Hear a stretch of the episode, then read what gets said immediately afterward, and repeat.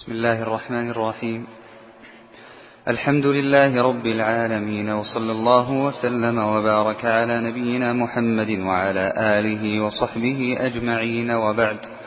فاللهم اغفر لنا ولشيخنا وللحاضرين والحاضرات والمستمعين والمستمعات. سبحانك لا علم لنا إلا ما علمتنا إنك أنت العليم الحكيم. قال الشيخ العلامة عبد الرحمن بن ناصر السعدي رحمه الله تعالى في كتابه منهج السالكين وتوضيح الفقه في الدين. كتاب الصلاة باب صلاة العيدين. أمر النبي صلى الله عليه وسلم الناس بالخروج إليهما حتى العواتق والحيض يشهدن الخير ودعوة المسلمين ويعتزل الحيض المصلى متفق عليه.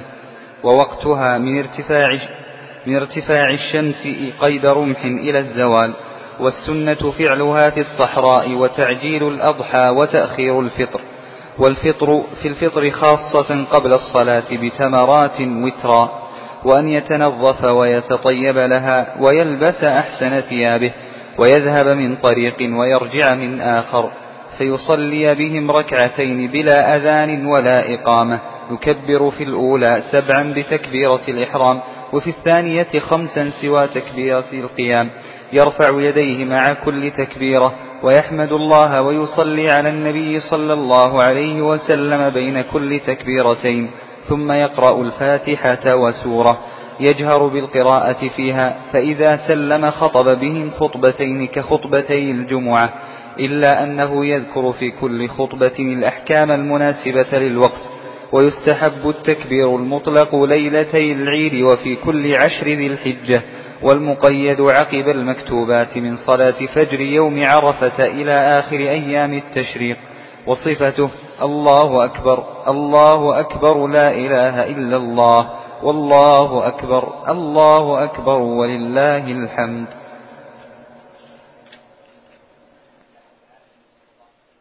على نبينا محمد. وعلى آله وصحبه أجمعين. ثم أما بعد فإني أحمد الله عز وجل ابتداء على أن جمعنا مرة أخرى بعد انقطاع دام نحوا من بضعة أسابيع. وأسأله جل وعلا أن يوفقنا لكل خير وأن يرزقنا جميعا العلم النافع والعمل الصالح وأن يتولانا بهداه وأن يغفر لنا ولوالدينا وللمسلمين والمسلمات. وقبل أن أبدأ أحببت أن أشير الاختبار الذي كان في آخر أسبوع من الفصل الماضي فقد كان المتقدمون نحو من ستين وبعض المتقدمين كان متهيبا من هذا الاختبار ولكن كل المتقدمين اجتازوه وقلنا إن الاختبار إنما هو اجتياز فقط فكلهم قد اجتازوه وهذا هو الاختبار الأول باقي الاختبار الثاني إن شاء الله في نهاية الفصل ثم بعد ذلك ما اتفقنا عليه من إدارة الجامع أن يقدموا وثيقة بذلك. مشكورين. نعم. نعود لشرح كتاب الشيخ عبد الرحمن بن ناصر المتوفى سنة ست وسبعين وثلاثمائة وألف من هجرة المصطفى صلى الله عليه وآله وسلم. يقول الشيخ رحمه الله تعالى باب صلاة العيدين والمراد بالعيدين عيد الأضحى وعيد الفطر. وهذان العيدان يقدم فيهما الأضحى على الفطر لفضله فإن عيد الأضحى أفضل من عيد الفطر. ولذلك قال بعض أهل العلم وهو الذي ينتصر له الشيخ تقي الدين وذكرت لكم ابتداء أننا في هذا الكتاب سنسير على اختيار الشيخ تقي الدين بن تيمية حتى في اختياراته, في اختياراته الفقهية وسنمر على بعض مفرداته رحمه الله تعالى. وقد ذكر الشيخ تقي الدين عليه رحمة الله أن أفضل أيام السنة على الإطلاق هو يوم النحر وهو اليوم العاشر. وقيل إنه يوم عرفة.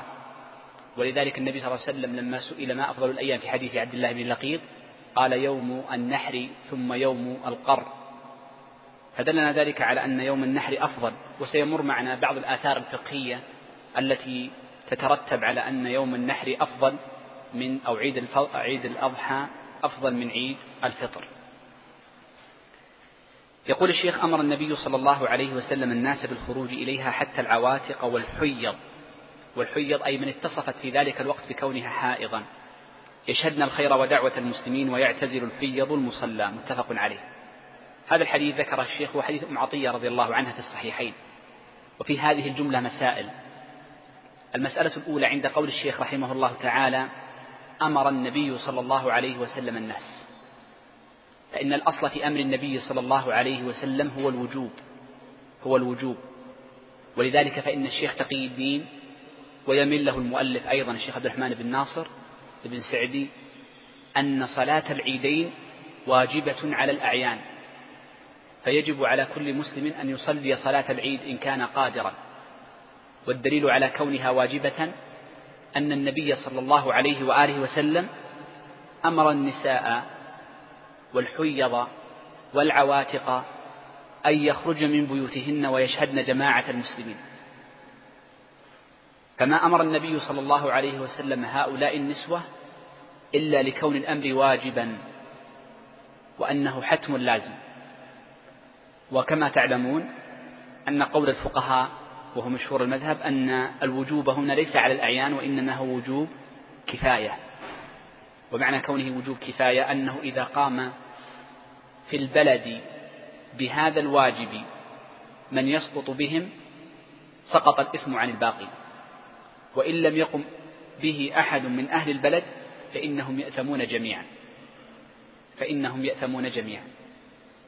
وعلى كل القولين فإن أهل بلد لو تركوا هذه الشعيرة ولم يقيموا صلاة العيد عن قصد ومن غير عذر فقد ذكر الفقهاء رحمهم الله تعالى أن الإمام يلزمهم بذلك ولو قاتلهم بالقوة فيؤمرهم بإظهار هذه الشعيرة.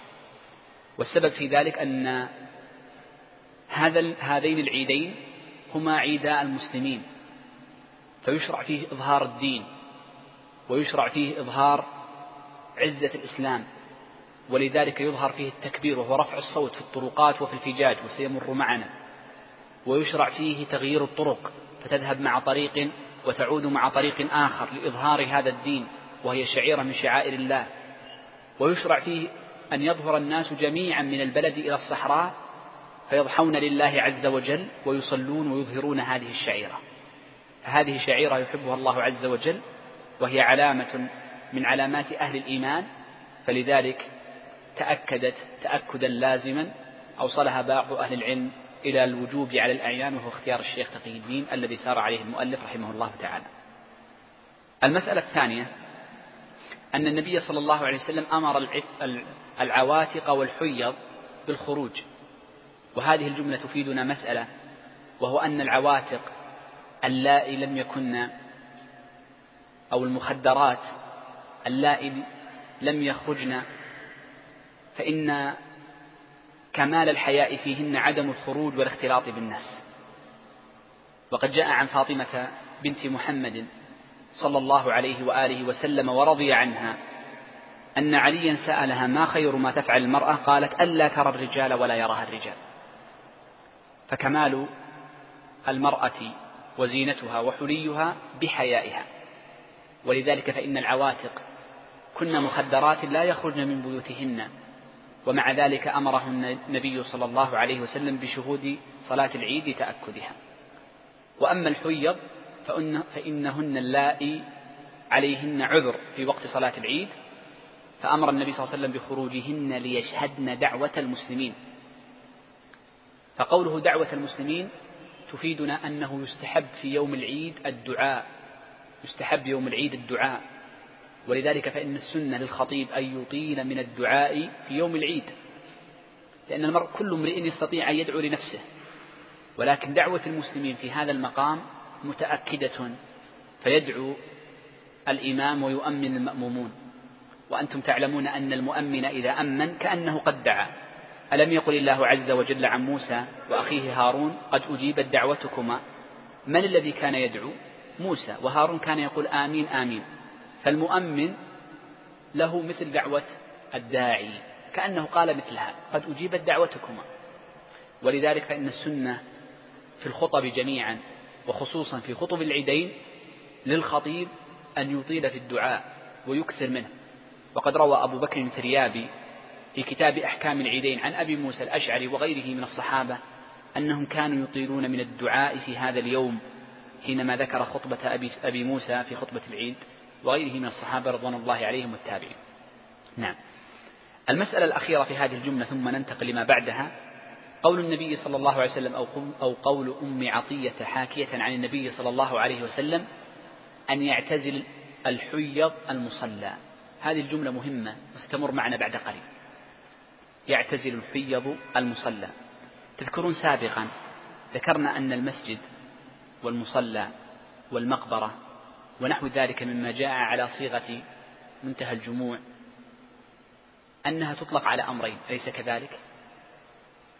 على على البقعة التي يحدث فيها السجود مثاله تذكرون الحديث وجعلت لي الأرض مسجدا ليس مسجد هذا مبني وإن الموضع الذي أصلي فيه والمقبرة الذي فيها مكان الدفن والمكان الذي فيه الصلاة فيسمى مصلى والمعنى الثاني لهذه الألفاظ هو المكان المحدد المبني الذي تنبني عليه أحكامه.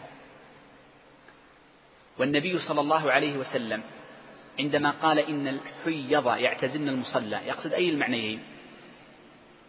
ما رأيكم؟ ما رأيكم؟ الثاني؟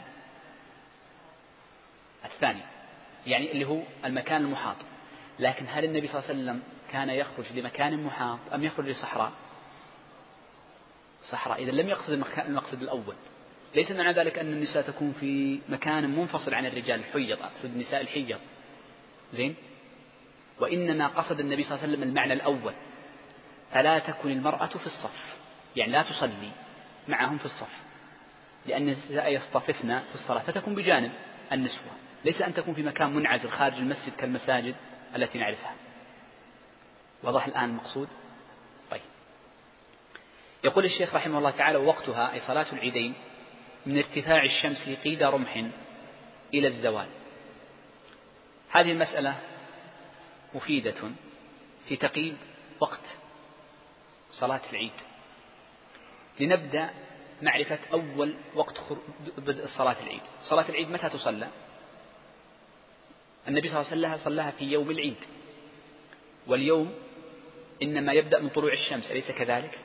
ذكرنا لكم أن للفقهاء طريقتان أو أن للفقهاء طريقتين متى يبدأ اليوم؟ فمنهم من يقول إن اليوم يبدأ بطلوع الشمس وهو الأقرب ومنهم من يقول إن اليوم يطلع يبدأ بطلوع بطلوع الصبح وهو أذان الفجر. والدليل على الأول سينا والدليل على الأول أول حديث من حديث العمدة.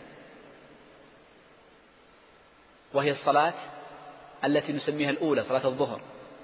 فاليوم يبدأ بطلوع الشمس. طيب. اليوم يبدأ بطلوع الشمس.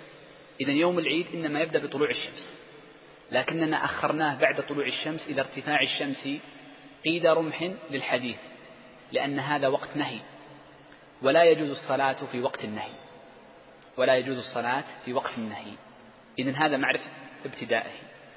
أما منتهى فإنه إلى الزوال أي زوال الشمس بعد انتهاء وقت النهي الأخير. وقلنا إنه إلى الزوال لأن النبي صلى الله عليه وسلم إنما صلى في الضحوة. والقاعدة عند أهل العلم أنه إذا ابتدأ بشيء فإنك تحده إلى أقرب محدود جاء فيه. وأقرب محدود جاءنا في الأوقات إنما هو الزوال فيكون وقتها إلى الزوال. أي الزوال أذان الظهر يعني تقريبا. فإذا زالت الشمس فإنه لا تصلى العيد. لا تصلى العيد. عندنا صورتان. إحنا قلنا إن الصلاة العيد واجبة. أليس كذلك؟ واجبة. صح ولا لا؟ صح ولا لا؟ ها عبد الله واجبة ولا ليست واجبة؟ واجبة. إما على الأعيان وإما على الكفاية. ترى أول يوم يبدو أن النوم كثير فيه اليوم. طيب. قلنا إنها واجبة. الواجب يقضى أو لا يقضى؟ يقضى. طيب شوف. هذه مسألة مهمة. إذا المسألة التي سنتكلم عنها في الوقت هو من فاته وقت صلاة العيد. إذا المسألة الأولى في هذه الجملة بعد الاستدلال عليها وهي مسألة من فاته وقت صلاة العيد. فاته من وقتها إلى يعني يعني زالت الشمس ولم يصلي العيد. فهل يقضي صلاة العيد أم لا يقضيها؟ نقول إن صلاة العيد واجبة. وما كان واجبا شرع قضاؤه. شرع قضاؤه. طيب. لنبدأ الأولى في المسألة الأولى في متى يقضى ثم نتكلم في صفة القضاء. يقول الفقهاء رحمهم الله تعالى من فاته صلاة العيد فله حالتان. الحالة الأولى أن تفوت صلاة العيد أهل البلد كلهم. أهل البلد كلهم تفوتهم صلاة العيد. وهذه صارت عندنا في بعض القرى قبل يعني تقريبا من عشرين في التسعينات الهجرية لما أصبح الناس قيل لهم إن هذا اليوم أو الظهر جاءهم الخبر أنه عيد أنه رؤي الهلال. فما علموا إلا بعد الزوال. شوف لو علموا قبل الزوال يصلون قبل الزوال ما في إشكال هذا وقتها أليس كذلك. لكن ما علم أهل البلد إلا بعد الزوال. فنقول إنها تقضى من الغد ما تقضى في اليوم هذا. تقضى الصلاة في ثاني العيد. طيب ما قضوها في ثاني العيد تقضى في ثالث العيد وهذا هو مشهور المذهب. وهكذا. الشيخ ابن سعدي كان يرى أنها إلى الثالث. لكي لا يطول الفصل. طبعا يطال الفصل ما تقضى لأن فات محلها تماما محل القضاء. ولذلك تقضى إلى الثالث. هذا قيده بالثالث لأن في الغالب التقييد بالثالث مناسب. إذا إذا كان الفواكه أهل البلد جميعا فإنهم يقضونها في وقتها من اليوم الذي يليه أو الذي بعده أو الذي بعده حسب ما يعرفون اليوم الذي فيه العيد. الحالة الثانية أن يكون الذي فاتته صلاة العيد شخص أو أشخاص. جئت لمصلى العيد فإذا بالصلاة قد انتهت. صلاة العيد انتهت. طيب لو صليت وحدك هل هذا يسمى قضاء؟ لا ما يسمى قضاء لأنه في وقتها. متى يسمى قضاء؟ واحد نايم يوم العيد ما استيقظ إلا أذان الظهر. الآن أصبح قاضي فاته وقتها. إذا من فاتته صلاة العيد فنقول أولا إن تذكر في في وقتها أي قبل الزوال فإنه يصليها ولا شك. ما في إشكال. تصلى بلا إشكال بل حكي إجماع عليها أنها تصلى لأن لا يشترط لها أن تكون مع الإمام. وإن تذكر بعد انتهاء الوقت صلاها وقت ما يشاء من الليل أو النهار. يجوز أنك تصليها العصر إذا كنت وحدك أو اثنين أو ثلاثة أو المغرب أو الظهر أو العصر مثلا. ويجوز أن تصليها فرادى ويجوز أن تصليها جماعة لأن القاعدة عند أهل العلم أن القضاء يحاكي الأداء. فالأداء تصلى جماعة فكذلك القضاء تصلى جماعة. ويجوز أن تصلي العيد منفردا. طيب صلاة العيد ركعتان. فمن فاتته صلاة العيد يصليها ركعتين أيضا. بالتكبيرات الزوائد؟ نعم بالتكبيرات الزوائد سبعا وخمسا وهكذا. إذا كما تصلى صلاة العيد صليها وحدك. أو أنت وأخوك فاتتكما صلاة العيد فتصليانها معا نعم. يقول الشيخ رحمه الله تعالى والسنة فعلها في الصحراء. والدليل على كون السنة فعلها في الصحراء فعل النبي صلى الله عليه وسلم. بل أعجب من ذلك أن علي رضي الله عنه قيل له مرة حينما كان واليا على الكوفة إن العميان وذوي العاهات قد اجتمعوا في المسجد فصل بهم يعني في مشقة عليهم أن يذهبوا إلى الصحراء. قال لا أخالف سنة النبي صلى الله عليه وسلم ثم صلى في الصحراء. إذا الصلاة في الصحراء سنة الصلاة في الصحراء سنة إلا في موضعين في موضعين فإن الأفضل عدمها عدم الصلاة في الصحراء الأفضل نتكلم عن الأفضلية. الموضع الأول لمن كان في مكة. فإن السنة لمن كان في مكة أن يصلي في في المسجد الحرام بس مكة المدينة ليست كذلك لأن النبي صلى الله عليه وسلم ترك مسجده وصلى في الصحراء. الموضع الثاني إذا كان هناك عذر برد شديد فيه مشقة على الناس. أو ريح شديدة أو مطر ونحو ذلك. والله عز وجل ما رفع عنا الحرج وما جعل علينا من حرج في ديننا. فهنا نقول الأفضل والأولى أن يصلى في المساجد. ولكن لو صلى الناس في المساجد ابتداء كحالنا الآن نقول ما في أي إشكال. وإن كان الأولى أن تصلى في الصحراء. طيب هنا مسألة مهمة جدا. وهو ما معنى الصحراء؟ ما معنى الصحراء؟ هل المراد بالصحراء المكان المكشوف زي المصليات الموجودة عندنا الآن في داخل المدن. ناهيك عن القرى؟ القرى واضح أنها صحراء لكن أنا أتكلم عن التي في داخل المدن.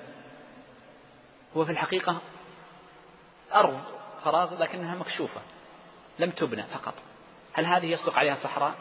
أم أن المراد بالصحراء الخروج عن البلد؟ المقصود الخروج عن البلد. وهذا من إظهار الشعيرة أن أهل البلد يخرجون عن قريتهم تصور. ولذلك نقول بالنسبة للأمصار الكبيرة كحال المدن الآن لو قلنا لأهل الرياض اخرجوا صلوا في الصحراء تضرب ستين كيلو حتى تخرج إلى البر. وين تلقى بر؟ فلذلك نقول هنا بالنسبة لأهل الأمصار الكبيرة الآن تغير الوضع فمتعين صلاتهم في المساجد. طيب نأتي لهذه وإن كان هذا ليس مقام ولكن الفائدة هذه المصليات المكشوفة هل تسمى مصلى؟ يعني لها حكم المسجد أم ليس لها حكم المسجد؟ مما ذكر أهل العلم في باب الإمامة والائتمام ربما يمر معنا وربما لا يمر. كيف تعرف المكان له مسجد أو ليس له مسجد؟ قال واحد أن تكون البقعة موقوفة. البقعة موقوفة ليست موقوفة الآن؟ موقوفة. اثنين أن يكون محاطا بسور. وهذه المصليات محاطة بسور أم ليست محاطة بسور؟ محاطة بسور. ثالثا أن يجعل له علامة مسجد. وعلامة المساجد مثل إيش؟ المحارب يسمى الطاق. هذه تسمى طاق. زين؟ وهذه موجودة الآن حتى في مصليات الأعياد عندنا فيها هذه المحارب. فإذا نظرت في هذه الأمور الثلاثة وجدت أن لها حكم المساجد.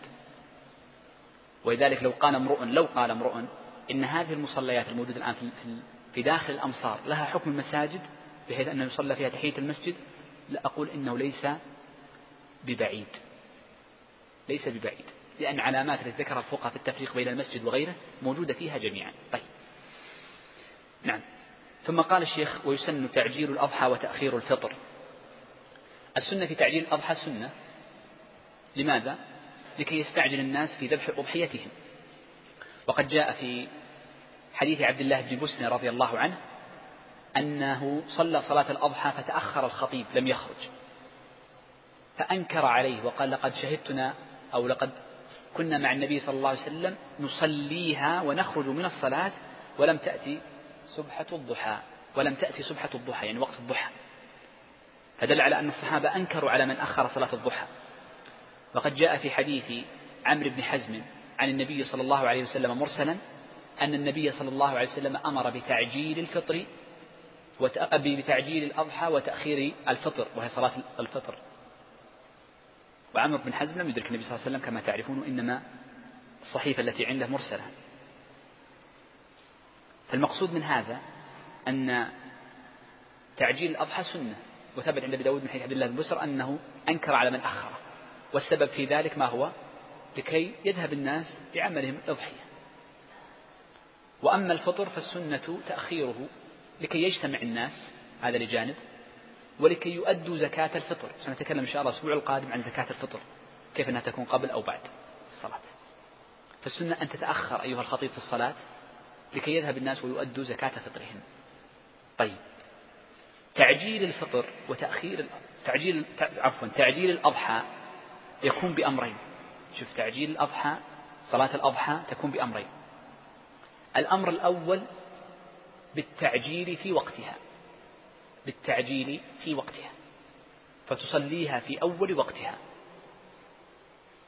يعني من حين ترتفع الشمس قيد رمح أي بعد شروق الشمس بنحو ثلث ساعة تصليها. والتعجيل الثاني بالاختصار في خطبتها. فإن السنة أن تكون الخطبة يوم عيد الأضحى أقصر من خطبة عيد الفطر. طيب.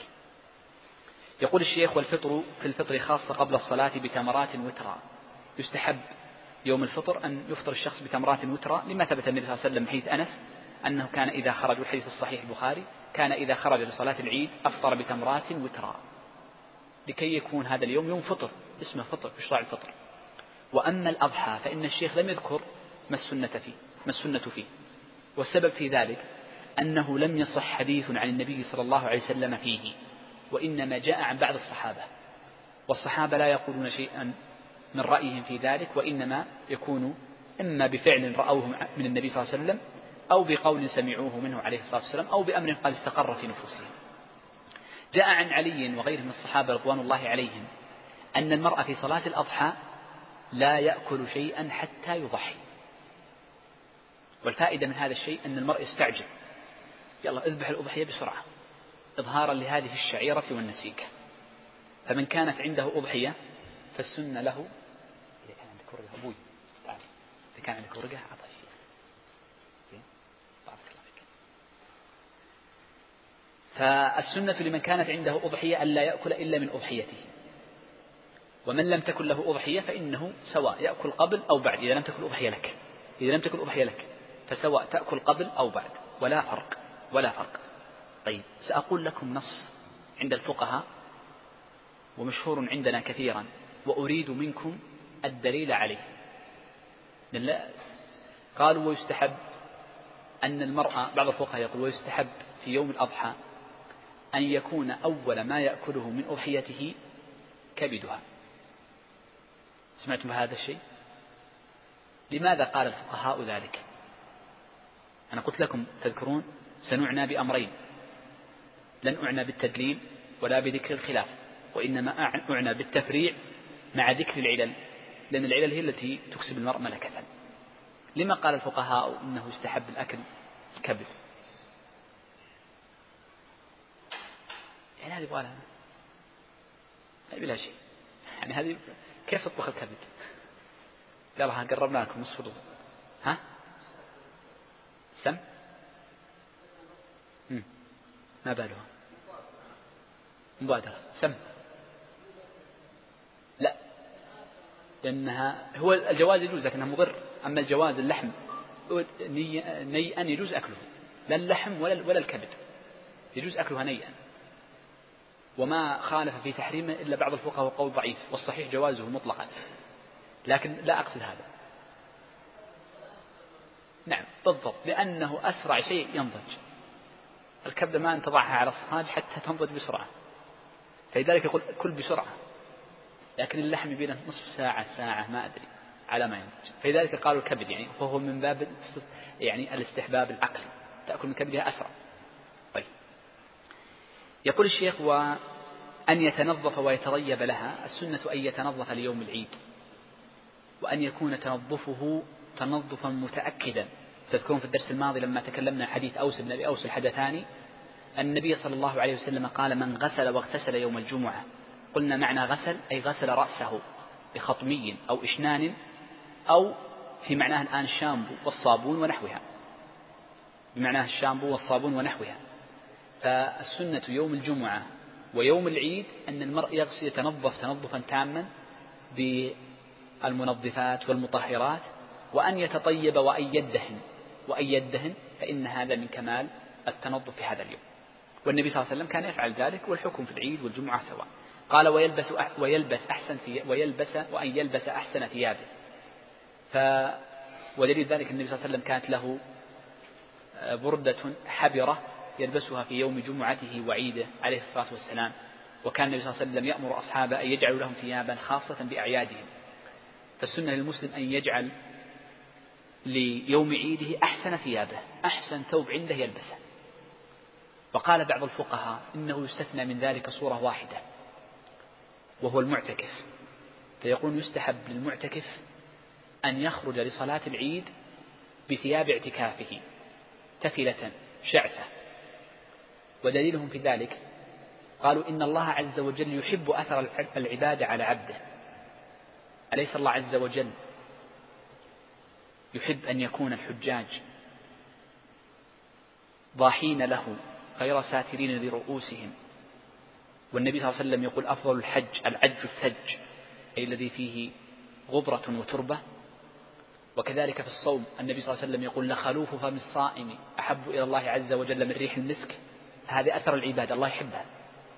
نقول نعم الله يحب أثر العبادة لكن هنا وردت سنة. فما ذكره الفقهاء غير مسلم وهذا الذي عليه مشايخنا أنه لا فرق بين المعتكف وغيره بل الجميع السنة له أن يغتسل وأن يلبس أحسن ثيابه. نعم. قال ويذهب من طريق ويرجع من آخر لفعل النبي صلى الله عليه وآله وسلم فإنه قد ثبت في الصحيحين أنه خرج من طريق وعاد من آخر. لما كان النبي صلى الله عليه وسلم يفعل ذلك؟ قال بعضهم لكي تشهد الأرض له. وقال بعضهم لكي يشهد له الناس. وبناء على ذلك من قال لكي يشهد له الناس قال لا يذهب مع طريق مهجور وإنما يذهب مع الطريق الذي يمر فيه بالناس. والحقيقة أن هذا كله غير صحيح. لأنه لما جاء في تفسير قول الله عز وجل إذا زلزلت الأرض زلزالها وأخرجت الأرض أثقالها أن إخراج الأرض أثقالها هي أن تشهد الأرض بأن فلانا صلى في موضع كذا وكذا أنكر أهل العلم هذا التفسير والتأويل. ولكن نقول إن الأقرب والعلم عند الله عز وجل أن المباعدة بين الطريق الذهاب من طريق والعود من طريق آخر إظهارا لهذه الشعيرة العظيمة وهي العيد إظهار لها. إظهار لشعيرة العيد ففيها إظهار لها وتبيين للناس. وكم من الناس إذا جاء يوم العيد يرى في نفسه من المهابة ومن التوقير شيء يرى هذه الجموع خارجة. وفي فجاج البلدة كلها. ما يذهب مع طريق واحد هو المزدحم والطرق الباقية فاضية. الطرق كلها مزدحمة. ترى الناس ذاهبين من جميع الطرق. فتحس بعزة الدين وبظهوره. نعم. يقول الشيخ فيصلي بهم ركعتين أي يصلي الإمام بالمأمومين ركعتين وهاتان الركعتان حكمهما حكم الصلاة العادية لا فرق. اللهم إلا في التكبيرات الزواد التي ستأتي بعد قليل. غير أنه يستحب فيها أن يقرأ بسبح والغاشية لحديث أبي أو بقاف والقمر لحديث النعمان فهذه التي وردت عن النبي صلى الله عليه وآله وسلم. بل ثبت في الصحيح من حديث أبي النبي صلى الله عليه وسلم اجتمع في عهده جمعة وعيد فقرأ في الصلاتين بسبح والغاشية. فقرأ في الصلاتين بسبح والغاشية مما يدل على تأكد هاتين الصورتين لما فيهما من معان عظيمة. أذكر ذكرناها أظن في صلاة الجمعة. طيب. يقول بلا أذان ولا إقامة لا يؤذن لصلاة العيد مطلقا لا بأذان المعروف ولا بالإقامة المعروفة ولا بقول المرأة الصلاة جامعة. فإنه لم يرد النبي صلى الله عليه وسلم نادى الصلاة جامعة إلا للكسوف والخسوف في حكمه. قال يكبر في الأولى سبعا بتكبيرة الإحرام. هذه التكبيرات تسمى بتكبيرات الزوائد. وهذه التكبيرات موجودة في صلاة العيد وفي صلاة لا يا شيخ مو بزوائد ذيك. هذه التكبيرات واجبات هذه سنن. تكبيرات نسينا الاستسقاء نفس الحكم. وفي هذه الجملة يكبر سبع تكبيرات بتكبيرة الإحرام مسائل مسائل تتعلق بهذه الجملة. المسألة الأولى أن السبع هنا معدود معها تكبيرة الإحرام. أن السبع هنا معدود معها تكبيرة الإحرام. ولذلك لما جاء في الرواية الأخرى جاء في بعض الروايات أنه كبر سبعا وفي بعضها كبر ستا من أهل العلم من جمع بين هاتين الروايتين بأن الست هي السبع. السبع باعتبار تكبيرة الإحرام السبع بتكبيرة الإحرام والست بدون تكبيرة الإحرام. ومن أهل العلم من قال لا هي من باب اختلاف التنوع فيجوز ست ويجوز سبع ويجوز خمس. فقد ورد عن النبي صلى الله عليه وسلم ثلاث صيغ. ولكن أصحها وأولاها وهو التي فعلها كثير من فقهاء المتقدمين كالفقهاء السبعة وغيرهم وعليه جمهور الصحابة أنه يكبر سبعا وهو الأصح يكبر سبعا مع تكبيرة الإحرام. هذه مسألة. المسألة الثانية هذه التكبيرات الزوائد هي سنة وليست بواجبة. فلو تعمد شخص تركها ماذا نقول؟ بطلت صلاته؟ صلاته صحيح. طيب انتبه المسألة لو نسيها فيها سجود سهو أم لا؟ تكون قواعد ذكرتها لكم؟ الخمس متى يكون واجبا متى يكون مستحبا متى يكون مباحا سجود السهو متى يكون مكروها متى يكون محرما. هذا ترك لماذا؟ ترك لسنة. ترك السنة سجود السهو له أقل أحواله الكراهة ما يسجد لها حتى لو تركها ناسيا. وهذا يخطئ فيه بعض الأئمة. فإن بعض الأئمة يترك التكبيرات الزوائد ويقول سبحان الله فيسجد لهم سجدتي السهو ولكن ذكرت لكم أن من أهل العلم أنه من قال إن ما كان من السنن ظاهرا واعتاد المرء على فعله مثل الجهر مثل الجهر. ومثل هذه تكبيرات الزوائد فإنه قد يقال بإباحة بإباحة سجود التلاء سجود السهو لها وهذا الرواية الثانية في المذهب. ذكرت لكم هذا الكلام وتعدينا طيب. المسألة الثالثة. ما الذي يقال بين هذه التكبيرات السبع. نقول أما التكبيرة الأولى فإنه يقال بعدها دعاء الاستفتاح. وقيل إن دعاء الاستفتاح يقال بعد التكبيرة السابعة. واضح؟ لماذا قالوا إنه يقال بعد التكبيرة الأولى؟ لأن التكبيرة الأولى هي تكبيرة الإحرام. فيكون أول ما تستفتح به صلاتك ما كان بعد تكبيرة الإحرام. وقيل إنه يقال بعد السابعة لما؟ لأنها متوالية فيكون بعد التوالي وهي روايتان. والرواية الثالثة وهو الصحيح أنه يجوز لك أن تدعو بدعاء الاستفتاح بعد الأولى وبعد السابعة ولا فرق. يجوز. وهذا الذي عليه جمع من الفقهاء. فيجوز جعل تكبيرة دعاء الاستفتاح بعد التكبيرة الأولى ويجوز جعله بعد السابعة. طيب استعجل عشان نبدأ بالجنازة. المسألة الثانية ما عدا هذه التكبيرة الأولى فإنه يكبر تكبير يدعو فيقول سبحان الله أو الله أكبر كبيرا والحمد لله كثيرا وسبحان الله بكرة وأصيلا يكبر بين التكبيرات الزوائد يكبر فقط تكبير في نفسه. ودليل ذلك ما جاء عن ابن مسعود رضي الله عنه أنه كان يفعل ذلك. أيضا من السنن التي تتعلق بالتكبيرات الزوائد وستأتي بعد قليل أنه يستحب رفع اليدين فيها أليس كذلك؟ ما دليل ذلك؟ نأتي بكم بالدليل النقلي ثم أريد منكم القاعدة فيها لأني كررتها مرتين الدليل النقلي أنه جاء عند البيهقي وغيره النبي صلى الله عليه وآله وسلم كان يرفع يديه عند هذا التكبير تكبيرات الزوائد ولكن هذا الحديث فيه مقال لذلك فإن الإمام أحمد رحمه الله تعالى لما سئل عن تكبيرات رفع اليدين بالتكبير ما استدل بهذا الحديث؟ أظن حديث جابر. وإنما استدل بحديث أبي حميد الساعدي في الصحيح وقال وهي مثلها. أي مثل تكبيرة الإحرام. فأحمد استدل بعموم حديث أبي حميد وجاء عن بعض الصحابة رضوان الله عليهم أنهم فعلوا ذلك. فالصحيح أن التكبيرات الزوائد في العيدين يشرع فيها رفع اليدين يشرع فيها رفع اليدين. لفعل الصحابة والتابعين ومن بعدهم. ذكروني بالقاعدة التي في هذا الباب. أبي واحد جديد وجه جديد. ما في شيء. سمي شيخ أحسنت. القاعدة عندنا أن كل تكبير من تكبيرات الصلاة ليس قبل هذا التكبير سجود وليس بعده سجود. ماذا نفعل؟ ترفع فيه اليدين. تكبيرات الزواج ليس قبلها سجود أنا واقف أصلا.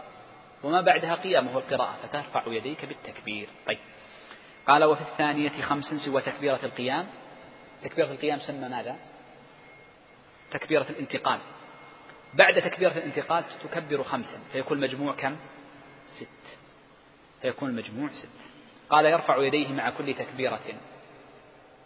ويحمد الله ويصلي على النبي صلى الله عليه وسلم بين كل تكبيرتين. وهذا لما جاء عن ابن مسعود رضي الله عنه أنه كان يحمد الله عز وجل ويكبره يقول الدعاء ذكرت لكم. ثم يقرأ الفاتحة والسورة. قراءة الفاتحة ركن أو واجب وتكلمنا عنه. ما الفرق بين الركن والواجب والصحيح أنها واجب؟ والسورة وذكرنا أن السنة هي سبح والغاشية. يجهر بالقراءة فيها وتكلمنا أيضا عن الجهر. فإذا سلم خطب بهم خطبتين كخطبتي الجمعة. هذه المسألة مسألة مهمة جدا. أن يوم صلاة العيد لها خطبتان وليست خطبة واحدة. وقد حكى الإجماع شوف هذا الإجماع. وقد حكى الإجماع على أن صلاة العيد لها خطبتان ابن حزم في مراتب الإجماع. وابن حزم تعرف متشدد في التمسك بظواهر النصوص ومع ذلك حكى الإجماع أن أمة محمد مجمعون على أن العيد ليس أن العيد له خطبتان. ويدل على ذلك ما روى ابن ماجه من حديث جابر رضي الله عنه النبي صلى الله عليه وسلم صلى بهم العيد فخطب ثم قعد ثم قام فخطب الخطبة الثانية. وهذا الحديث فيه مقال. ولكن يشهد له ما ثبت في الصحيح من حديث أبي هريرة أن النبي صلى الله عليه وسلم خطب بالناس ثم ذهب للنساء فوعظهن. لذلك استحب بعض الفقهاء أن تكون الخطبة الثانية مخصوصة ببعض النساء. ولذلك إنك تعجب حقيقة لبعض الناس.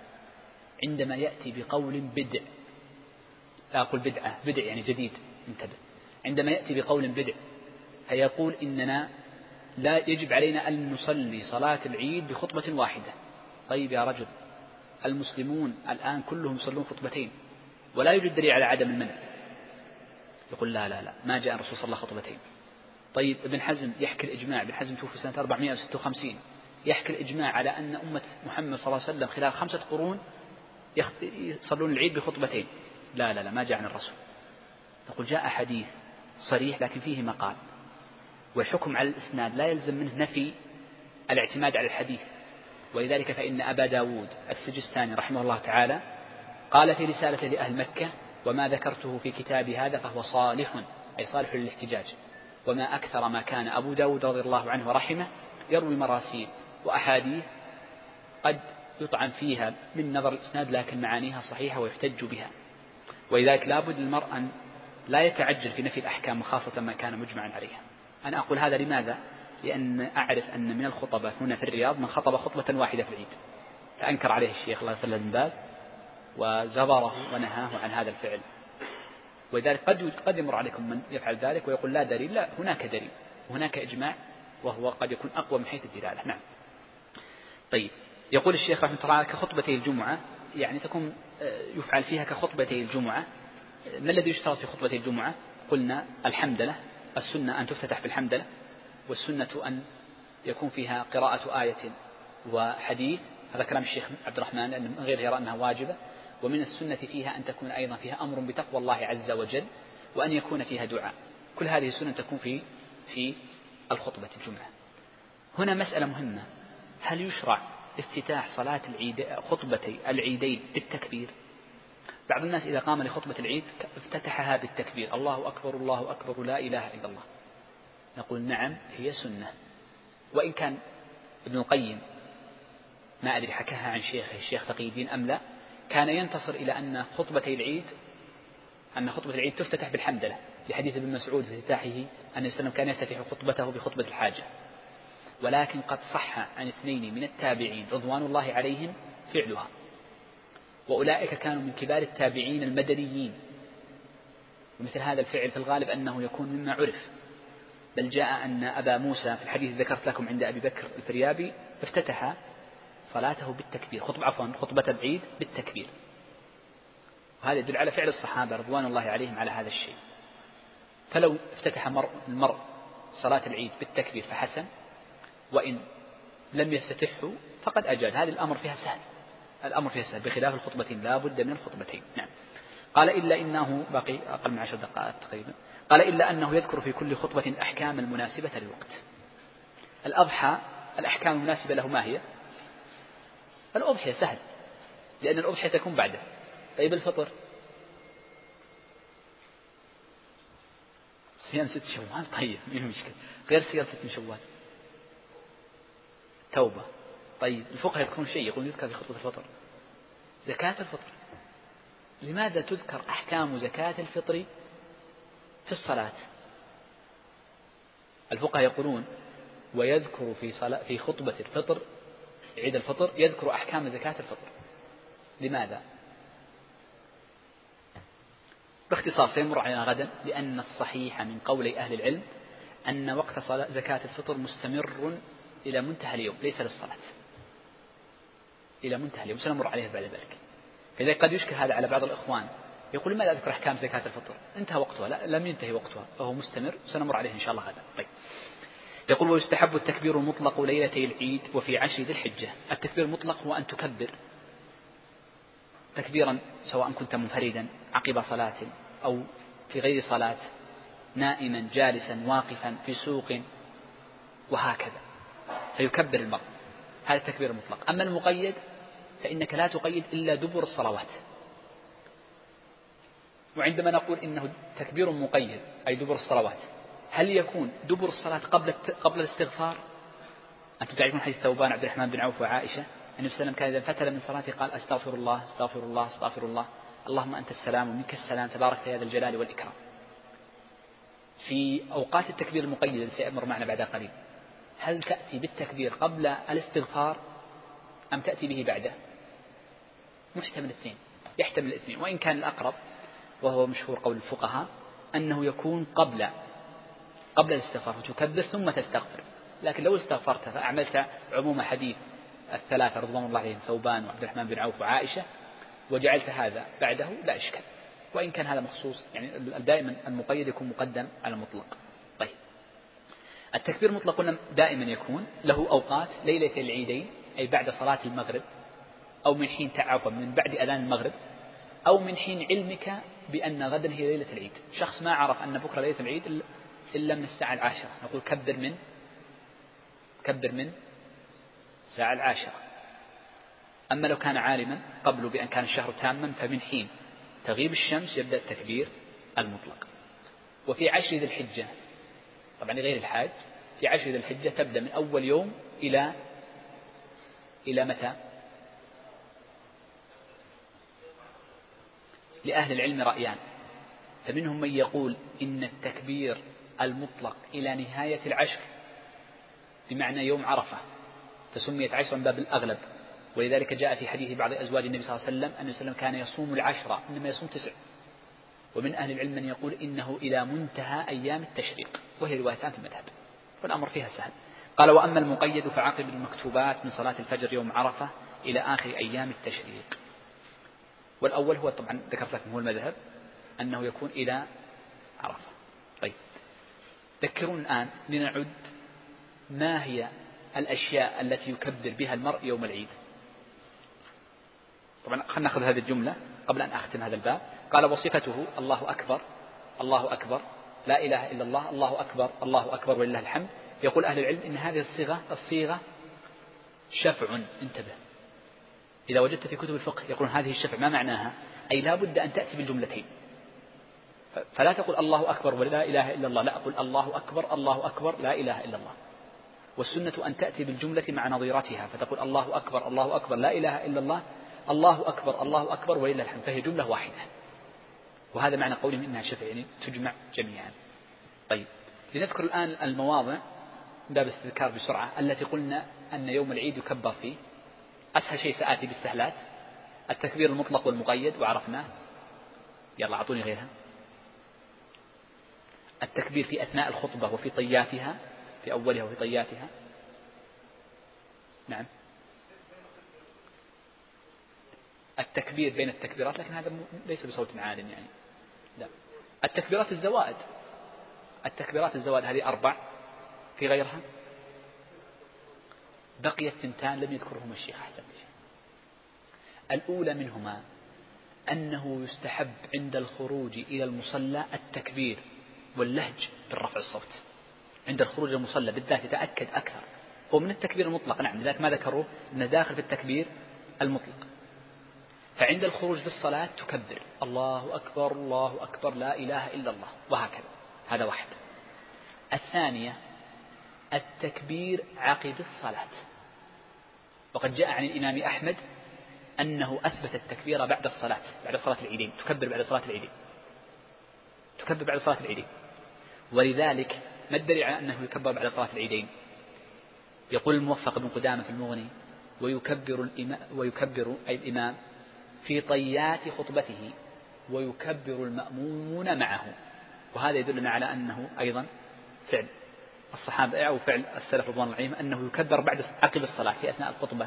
إذا كبر الإمام يكبر المأمومون كما فعل التابعون رضي الله عنهم. أو عقب الصلاة مباشرة بعد السلام يكبر. وأحمد وهو من تعلم في اتباعه السنة والأثر نص على مشروعية التكبير عقب الصلاة ولكنه ليس متأكدا كالأول وليس متأكدا كالأول الذي هو قابل الصلاة واضح؟ طبعا ليس بعدها. خلاص انتهت الخطبة انتهى العيد انتهت الصلاة. الخروج المبكر بعدها لا يطول الفصل. طيب. نكون بذلك أنهينا باب صلاة العيدين وربما نسيت نفسي وأطلت في بعض الشيء فاعذروني. سأمر الآن بسرعة على بعض كتاب الجنائز لكي نبدأ إن شاء الله الزكاة في خمس دقائق الماضي القادمة أو نأخذ بعض كتاب الجنائز لا كلها. يقول الشيخ أظن بقي خمس شيخ رحمه جيد. طيب. يقول الشيخ رحمه الله تعالى كتاب الجنائز. قال النبي صلى الله عليه وسلم لقنوا موتاكم لا إله إلا الله. يستحب للمسلم إذا زار مريضا أن يعوده وأن يطمنه وأن يقرأ عليه وأن يرقيه بدعاء أو بآيات من كتاب الله عز وجل والنبي صلى الله عليه وسلم قال من استطاع منكم أن ينفع أخاه فليفعل. فإن كان هذا المريض الذي أنت زائر له محتضرا أي على حال الوفاة فإنه يستحب لك أمور. يستحب لك أولا أن تلقنه لا إله إلا الله بأن تقول له قل لا إله إلا الله أو لا تقل قل. لأن بعض الفقهاء يقول لا تقل له قل. خشية أن يكون آلام. هذا من استحباب الفقهاء. وإلا النبي صلى الله عليه وسلم يقول لقنوا. والحديث الصحيح ما في إشكال. فمن الفقهاء يقول لا تقل له قل. خشية أن من شدة الألم والإلحاح عليه ربما ينهرك. ولكن لو قلت له قل وكان الرجل تعرف أن ألم النزع عليه يسير فالأمر فيه سهل. الأمر الثاني أنه يستحب لك إذا لقنته أن تلقنه مرة واحدة. فإن علمت أنه قد سمعك فلا تردها عليه. وإن خشيت أنه لم يكن قد سمعك لكونه في سكرات الموت فكررها عليه ثلاثا ولا تزد. وقد جاء النبي سيرين رحمه الله تعالى توفى سنة 110 من الهجرة لما احتضر جاءه رجل فقال قل لا إله إلا الله قل لا إله إلا الله قل لا إله إلا الله. قال قلها مرة ولا تزد. بس وقف. أنا عارف. فأحيانا قد يزعجك الشخص إذا حس الشخص بألم. أنت ترى نفسك صداع أحيانا فيجيك واحد يلح عليك في شيء فقد تخطى عليه بكلمة تحاسب عليها. فلذلك السنة أن لا تلح لكي لا يكون الشخص مخطئا. والنبي صلى الله عليه وسلم قال من كان آخر كلامه من الدنيا لا إله إلا الله وجبت له الجنة. نسأل الله عز وجل أن يرزقنا إياها وأن يذكرنا إياها في ذلك المشهد. وليس عدم ذكر هذه الكلمة دليل على سوء الخاتمة لا أبدا مو صحيح. والدليل على ذلك ما ثبت عند ابن أبي شيبة وغيره من حديث ابن مسعود وعائشة موقوفا عليهما وله حكم الرفع أن النبي صلى الله عليه وسلم قال موت الفجأة رحمة للمؤمن وأخذة أسف أو آسف تنطق هكذا على الفاسق أو الفاجر. فالمؤمن قد يموت فجأة ما يمكن أن يتكلم ولكن الفاسق فتكون رحمة له أن يخفف من عذابه عذاب الاحتضار. وأما الفاسق فإنه إذا مات فجأة فإنها أخذة غاضب أخذة غضب. فلا يمكن أن يوصي إن كان لم يوصي سيمر معنا ما هي الوصية الواجب والسنة. ولم يكن قد أدى الحقوق التي عليه ولم يذكر الله عز وجل ولم يبادر بالتوبة. وأما المؤمن فإنه إن شاء الله على الخير وما من امرئ إلا وعليه تقصير. أسأل الله عز وجل أن يتجاوز عنه يقول الشيخ وقال النبي صلى الله عليه وسلم اقرأوا على موتاكم ياسين. أولا سورة ياسين لم يرد فيها حديث صحيح مطلقا. وأصح ما ورد. شوف أصح ما ورد. على مقال فيه لأن من أهل العلم من حسنه هو الحديث الذي معكم. اقرأوا على موتاكم ياسين. أما حديث أن ياسين إذا قرأت في بيت لا يدخله الفقر هذا كذب. وأعظم منه كذبا أن ياسين لما قرأت له. وهكذا. كل هذه ما تصح. التي تحتمل التحسين هذا الحديث اقرأوا على موتاكم ياسين. الشخص إذا كان محتضرا يقول أهل العلم يستحب أن يقرأ عنده القرآن. نص على ذلك. غير واحد من الصحابة ونص عليه الإمام أحمد وموجود فتاوى مشايخنا بن باز وغيره. فيستحب أن يقرأ عنده بالقرآن الفاتحة أو ياسين لأن مش... قراءة القرآن مشروعة عند الميت عند الاحتضار شوف عند الاحتضار ليس قبل عند الاحتضار. تقرأ عليه. لأن قراءة القرآن تخفف النزل فلذلك يستحب قراءة القرآن سواء الفاتحة وخص أحمد الإمام أحمد الفاتحة وياسين ياسين لورود الحديث والحديث هذا من أهل العلم من حسنه ومنهم من ضعفه. وأما الفاتحة فلا بد أن لها أصلا لكني جهلته أو جهلته. وأهل العلم على هذا الشيء يعني ليس ما أحد أنكر هذا مطلقا. فتاوى الشيخ موجودة يشرع فيها قراءة عن ولكن هنا مسألة. فرق بين القراءة على المحتضر والقراءة على الميت. القراءة بعد الوفاة باتفاق أهل العلم بدعة. إذا مات الميت خلاص ما ينفع قراءة القرآن. نحن نقرأ عنده عليه حال الاحتضار الرجل في النزع لكي يخفف عنه. وأما إذا مات خلاص لا يسمع وما أنت بمسمع من في القبور. ما يسمع. بخلاف المحتضر إذا سمع آية كلام الله عز وجل وكان مؤمنا خفف الله عز وجل عليه وجعل نفسه مطمئنة راضية. وانتبه الفرق إذا بين الثنتين. الأولى القراءة عند إيش؟ الاحتضار والثانية القراءة عند أو بعد الموت. الأولى مشروعة وسنة والثانية بدعة غير مشروعة. أما القراءة وإهداء ثوابها للميت ستمر معنا إن شاء الله في نهاية الكتاب. آخر جملة وأقف عندها. قال الشيخ وتجهيز الميت بغسله وتكفينه والصلاة عليه وحمله ودفنه فرض كفاية. فيجب على المسلمين أن يقوموا بتغسيل الميت. إذا لم يغسله مسلم أثم وكذلك بتجهيزه وأعني بتجهيزه أي مؤنة الكفن والنقل وما في حكم ذلك. والصلاة عليه فيجب أن يصلى على مسلم وكذلك حمله ودفنه يجب أن يقوم بذلك أحد من المسلمين. قال النبي صلى الله عليه وسلم أسرعوا بالجنازة. ما الفرق بين الجنازة والجنازة في أحد من الشباب؟ سم. قلت أنا؟ ما قلتها لكم قبل؟ طيب سم ما الفرق؟ أحسنت. أيهما الميت وأيهما النعش الجنازة بالفتح التي هي التي تحمل والجنازة والميت. أحسنت. أحسنت. يعني أحدهما الفعل وأحدهما الاسم. أحسنت. طيب. قال فإن تك صالحة فخير تقدمونها إليه وإن كانت غير ذلك فشر تضعونه عن رقابكم. وقال النبي صلى الله عليه وسلم نفس المؤمن معلقة بدينه حتى يقضى عنه. هذه مسألتان المسألة الأولى الإسراع بالجنازة السنة والمراد بالإسراع في الجنازة أولا الإسراع بها في تجهيزها والإسراع بها في الصلاة عليها والإسراع في في دفنها.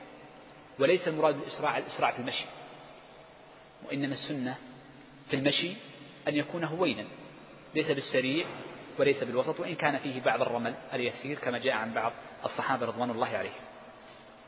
وهنا مسائل تتعلق أو صور معاصرة تتعلق بالإسراع لو أن امرأ أوصى أن يدفن في بلده وبلده تبعد عن البلد التي توفي فيها مسافة تأخذ نقول خمس ساعات أو عشر ساعات.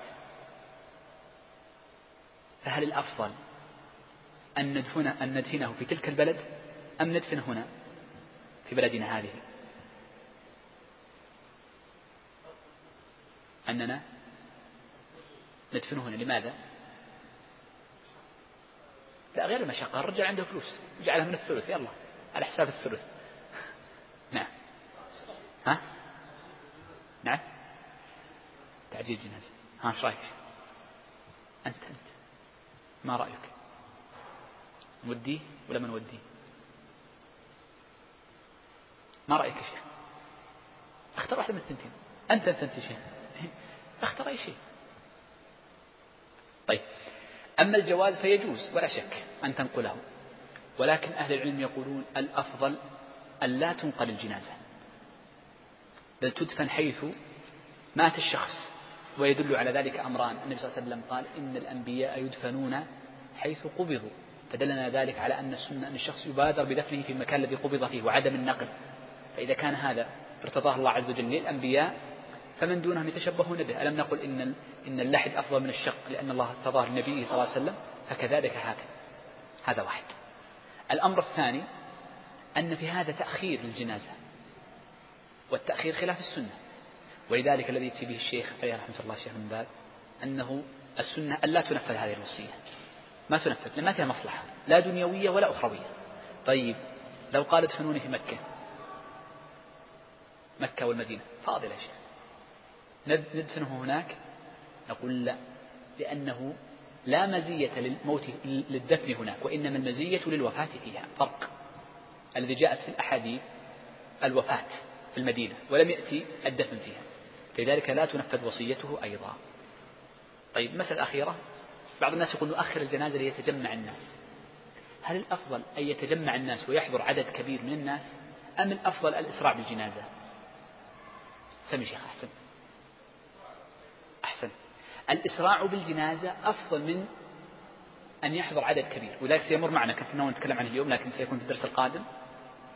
أن إعلان الناس وإخبارهم يا ناس ترى فلان مات فلان مات يعد من النعي المحرم.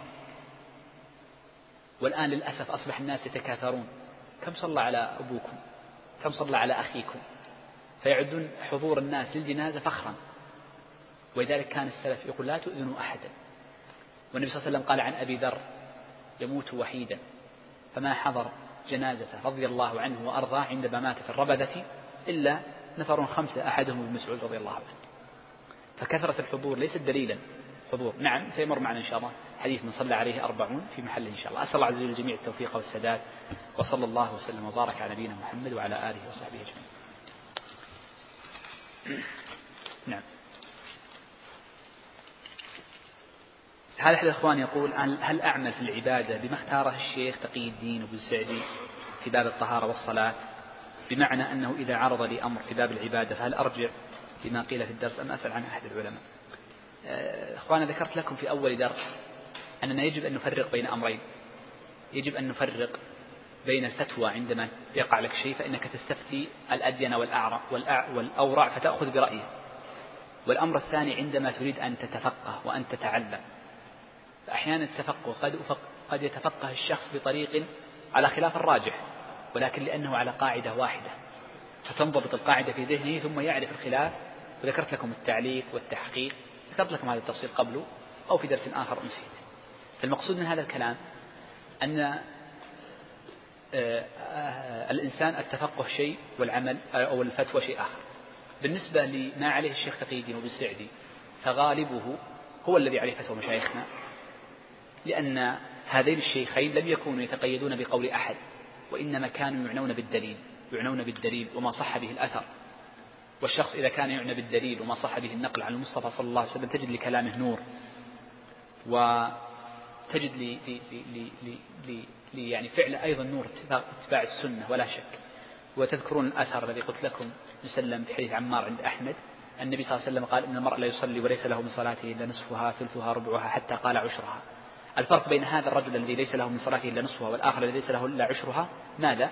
أن هذا متبع للسنة والآخر ليس كذلك هل الخطبة بعد صلاة العيد واجبة؟ لا ليست واجبة وإنما هي سنة والواجب إنما هو صلاة العيد هل التأمين على دعاء الخطيب يكون برفع الصوت؟ نعم يشرع رفع الصوت لكنه يشرع الجهر الذي رفع الإزعاج وإنما يكون بحيث تسمع نفسك وتقول آمين تقول آمين هذا مشروع فالتأمين مشروع ولا شك يقول هل يقضى الواجب على الكفاية رغم أدائه بمن تسقط بهم الكفاية؟ نقول نعم.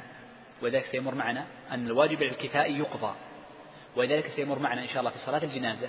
إن لم أنسى أن أذكرها أن من فاتته صلاة الجنازة يصليها ولو كان في وقت النهي. شوف وقت النهي. في المقبرة فاتتك صلاة الله عليها العصر. الواجب سقط. أصبحت صلاة الجنازة ماذا؟ سنة. والوقت وقت نهي. ومع ذلك تصليها. فلذلك فروض الكفايات تقضى كذلك. وهذه مسألة أصولية مشهورة في موجودة في كتب الأصول والصحيح أن فروض الكفايات تقضى. نعم. هذا أحد إخواني يقول من نام عن صلاة أو نسيها فليصليها إذا ذكرها لا كفارة لها إلا ذلك؟ لماذا لا تقضى صلاة العيد فورا عند زوال العذر؟ قلنا نعم تقضى مباشرة عند زوال العذر إذا كان الشخص فاته وحده لكن أهل البلد لأن وقتها وقت الضحى. وقت الظهور الشمس ففيها إعلان للدين وإظهار. إذا فاتت أهل البلد جميعا فإنهم يجب أن يصلوها في وقتها لأن فيها إظهار. فيجب أن نفرق بين لو كان الفوات لشخص وبين الفوات الذي لأهل بلد كاملة. يقول كيف لا يسمع الميت آه، الصوت مع أنه قد ورد النبي صلى الله عليه وسلم أنه يسمعون قرع النعال. نقول نعم لا يسمع الأموات إلا ما جاء ما أراد الله أن يسمعهم إياه. مثل قرع النعال ومثل قتلى بدر لما رماهم النبي صلى الله عليه وسلم في القليب فتكلم عليهم النبي صلى الله عليه وسلم فناداهم فقالوا إنهم أموات. فقال إنهم يسمعونني أكثر مما تسمعون. فما أراد الله عز وجل أن يسمع الأموات أسمعهم ولكن لهم لا يسمعون كل شيء. ولذلك يقول ربنا جل وعلا وما أنت بمسمع من في القبور. طيب نبينا صلى الله عليه وآله وسلم نقول النبي صلى الله عليه وسلم له حياة. الأنبياء كلهم أحياء في قبورهم. لكنها ليست كحياة الدنيا وليست كحياة الآخرة. وحياة الأنبياء في قبورهم ليست كحياة غيرهم. فإنهم لا تأكل أجسادهم الدود ولهم حياة أحياء كالشهداء والنبي صلى الله عليه وسلم هل يسمع من يسلم عليه؟ نقول لا. لأن النبي صلى الله عليه وسلم قال إن لله ملائكة سيارة. يبلغونني سلامكم. فالذي يسلم على النبي صلى الله عليه وسلم في الصين أو يسلم عليه بجانب قبره كلاهما يبلغ للنبي صلى الله عليه وسلم عن طريق الملك. الرسول قال أنا ما أقول شيء. الرسول هو اللي يقول فواحد. ولذلك هذا قد يستعجب بعض الناس يقول يا أخي الصحابة رضوان الله عليهم كانوا ساكنين المدينة أليس كذلك؟ ولم يثبت أن أحدا كان يمر ويسلم على القبر إلا واحد أو اثنين ابن عمر ومع بعض واحد من الصحابة من لماذا؟ لأن الصحابة يعلمون أنهم صلوا. اللهم صل وسلم على محمد. خلاص سلمت على رسول الله. فأسلم عليه في أول المسجد في آخره بجانبه. ولذلك يقول أهل العلم إن السلام على النبي صلى الله عليه وسلم لمن زار المسجد. لا يلزم منها أن تقصد البقعة المخصوصة فتقول السلام عليك بعد الطقوس. وإن كان فعلها بعض السلف لا شك أنها مشروعة لا أقول لك لكن ليست هي المقصودة. يجوز أن تسلم عليه وأنت في أول مسجد. اللهم صل وسلم على محمد. اللهم السلام عليك يا رسول الله. وبلغ السلام عليه الصلاة والسلام. وما عدا ذلك فالله عز وجل وما أنت بمسمع من في القبور. والشيخ محمود الألوسي عليه رحمة الله من علماء وأفذاذ وعقلاء القرن الماضي من علماء بغداد له كتاب اسمه الآيات البينات في عدم سماع الأموات. ذكر كلام أهل العلم واتفاقهم على أن الأموات لا يسمعون إلا ما أذن الله عز وجل لهم. بعض الناس نتكلم عنها في الجنائز لكن ناسبت هنا. بعض الناس إذا ماتت أمه ذهب إلى قبرها أو والده يا والدتي أنا بشرت اليوم صار كذا وكذا. يبدأ يسولف. هل هذا مشروع؟ نعم. أن تفضفض فضفض يعني سولف تكلم لكن ثق أنها لا تسمع شيئا. تريد أن تتكلم. أنت بعض الناس أمروا على الديار ديار ليلى بعض الناس يكلموا الجدار جدر. عادي. كلم من شئت لكن هذا الجدار وهذا القبر لا يسمع. فاعلم أنه لا يسمع. تعطيها أخبار بس من باب أنك يعني تبسط نفسك. لذلك بعض الناس يشغل المسجل ويبدأ يسجل لنفسه. المعالجون النفسيون ماذا يفعل يحطك مسجل سولف على نفسك. نعم طيب. آه، أحد الإخوان يقول رجل يعمل في إصلاح بطاريات شخصي بطاقات شخصية ويقوم بإدخال صورة الشخص ضمن جهاز أو سكنر هل يأثم على ذلك؟ لا. ما في إشكال. والآن يكاد جل مشايخنا على أن التصوير جائز. التصوير جائز. والشيخ عليه رحمة الله بن باز كان في آخر حياته له بعض التوقف في مسألة التصوير. والحقيقة أن الفرق بين التصوير المتحرك والتصوير الثابت الفوتوغرافي حقيقة فرق بين المتماثلات فمن أجاز أحده من أجاز أحدهما يلزم عليه أن يجيز الآخر ولا شك. ولذلك كان الشيخ في آخر حياته له نوع توقف في بعض هذه الجزئيات. هذا أحد الإخوان يسأل عن استخدام بطاقة الفيزا. طيب سأتكلم عنها بسرعة ضيق الوقت. بطاقة الفيزا أو الماستر كارد هذه تسمى ال credit card بطاقة ائتمانية. شوف تستخدم لاستخدامين الاستخدام الأول أن تسحب بها كاشا. كاش يعني نقد. تذهب لهذه الصرافات يسمونها ال ATM وتدخل البطاقة ثم يأتيك فلوس. هذه لا توجد بطاقة ائتمانية يجوز سحب الكاش بها أو النقد بها ما يجوز حرام. جميع البطاقات. لا بنك زيد ولا بنك عمرو. سماه الأخ بعض البنوك. حتى هذا البنك الذي سميته لي لا يجوز. لأن البنوك أحد أمرين إما أن يأخذ منك مبلغا مقطوعا وإما أن يأخذ منك نسبة وكلا الأمرين واحد حرام. وإن أجازها من أجازها واضح حرام. تأخذ منهم قرض مقابل. إذا السحب بالبطاقات الائتمانية النقد من الصراف لا يجوز مطلقا. أي بنك لا توجد الآن أي صيغة شرعية. مطلقا. حتى لو ما أخذ منك البنك البنك سوف يدفع للشركة الأم هناك مبلغا ما. الحالة الثانية أن تستخدم هذه البطاقات لأجل شراء السلع أو المنافع. تذهب لسوق من الأسواق الكبيرة فتشتري منه. أو تستأجر سيارة أو فندقا ونحو ذلك. متى يجوز لك استخدامها؟ يجوز لك استخدامها في ثلاث حالات فقط. حالة الأولى أو نقول حالتين أهم الحالات الحالة الثالثة طبعا نادرة ما, ما تفعل. الحالة الأولى إذا كانت هذه البطاقة مسبقة الدفع. أنا أسميها مسبقة الدفع زي بطاقات الاتصال. بعض البنوك تذهب وتقول هذه 500 ريال فأعطني بطاقة ائتمانية بقيمة 500 ريال يجوز فاستخدمها ثم ارمي البطاقة هنا بطاقة الائتمان يجوز استخدامها في ماذا؟ انتبه مرة ثانية في ماذا؟ تقول قايلينها في الشراء دون سحب النقد أو الكاش سموا الناس كاش ليه النقد وضحت؟ الحالة الأولى أن تكون مسبقة الدفع يعني وضعت فيها مالا النوع الثاني من البطاقات التي يجوز استخدامها في هذه الحالة. قالوا أن تكون مربوطة بحسابك الجاري. لك حساب جاري في البنك وتكون مربوطة به.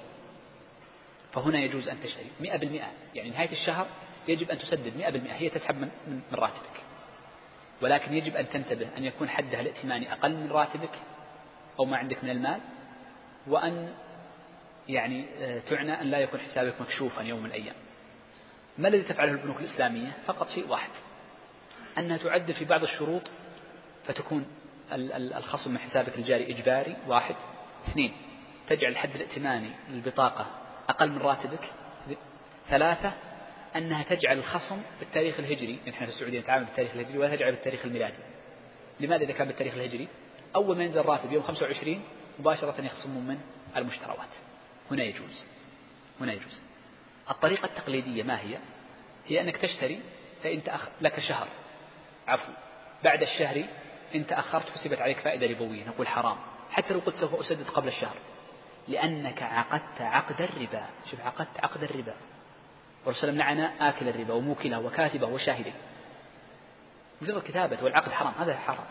ولأنك قد تنسى. فلا تضع في حسابك شيء. فتقع في الربا المحرم صراحة. نعم. طيب. يقول ما حكم تكبيرات الزواج بداية الركعة؟ قلنا أن هذه سنة. عاد يقول أريد ما أدري كذا هذا بينك وبين مركز المسجد مجمع هذه تتعلق بالجمعة انتهينا منها. وهذا يتعلق بالمذهبية أيضا الحنابلة والظاهرية ليس هذا مقامها طيب نعم. هذا نتكلم يقول ما الفرق بين الجنازة والجنازة؟ يعني هي مسألة لغوية يعني ليست إلا يعني يقول هل هي مسألة نحوية؟ نعم ليست نحوية وإنما لغوية لغوية مثل الوضوء والوضوء. ما الفرق بين الوضوء والوضوء؟ الوضوء هو الماء والوضوء هو الفعل. نفس الشيء الجنازة والجنازة يعني قضية لغوية. نعم هذا ستأتي غدا إن شاء الله في قضية الإخبار بالميت إن شاء الله أو الدرس القادم؟ يقول هل من شرط المسجد أن تصلى فيه الصلوات الخمس؟ لا ليس من شرط المسجد أن تصلى فيه الصلوات الخمس إن كثيرا من المساجد مهجورة. ولذلك يقول أهل العلم لما تكلموا عن الاعتكاف ماذا يقولون؟ ويجب أن يكون الاعتكاف في مسجد تقام فيه الجماعة لمن وجبت عليه. من لم تجب عليه الجماعة مثل المريض المرأة المسافر يصلي يعتكف في مسجد مهجور. في مساجد مهجورة كثيرة جدا حتى في الرياض. يكون مسجدان بجانب بعض فيغلق المسجد القديم ويبقى المسجد الكثير جدا. وكان أحمد رحمه الله تعالى يستحب الذهاب لبعض المساجد المهجورة فيصلي فيها إحياء لها. فكان إذا خرج صلاة الجمعة مر على بعض المساجد التي تركت هجرة فيصلي فيها ركعتين أو ثلاثة ثم يذهب لصلاة الجمعة. فلا يشترط أن يكون المسجد فيه الصلوات الخمس. تكلمنا عنها أيضا. هل تشرع إيش؟ الخطبة للفرد في صلاة العيد؟ لا لا الخطبة لا تشرع وإنما تكون في الجماعة. نعم ذكر هذا قال إن بعض الناس يقول ما من أحد يسلم على رسول الله إلا رد الله عز وجل على محمد روحه فرد عليه السلام. صحيح هذا حديث ثابت عن النبي صلى الله عليه وسلم. حديث ثابت عن النبي فيرد النبي صلى الله عليه وسلم عليك السلام. ولذلك عندما تقول اللهم صل وسلم على محمد سلمت على النبي صلى الله عليه وسلم يدعو لك النبي صلى الله عليه وسلم فيقول وعليك السلام. فلذلك لك أجر عظيم في الصلاة والسلام على النبي صلى الله عليه وسلم.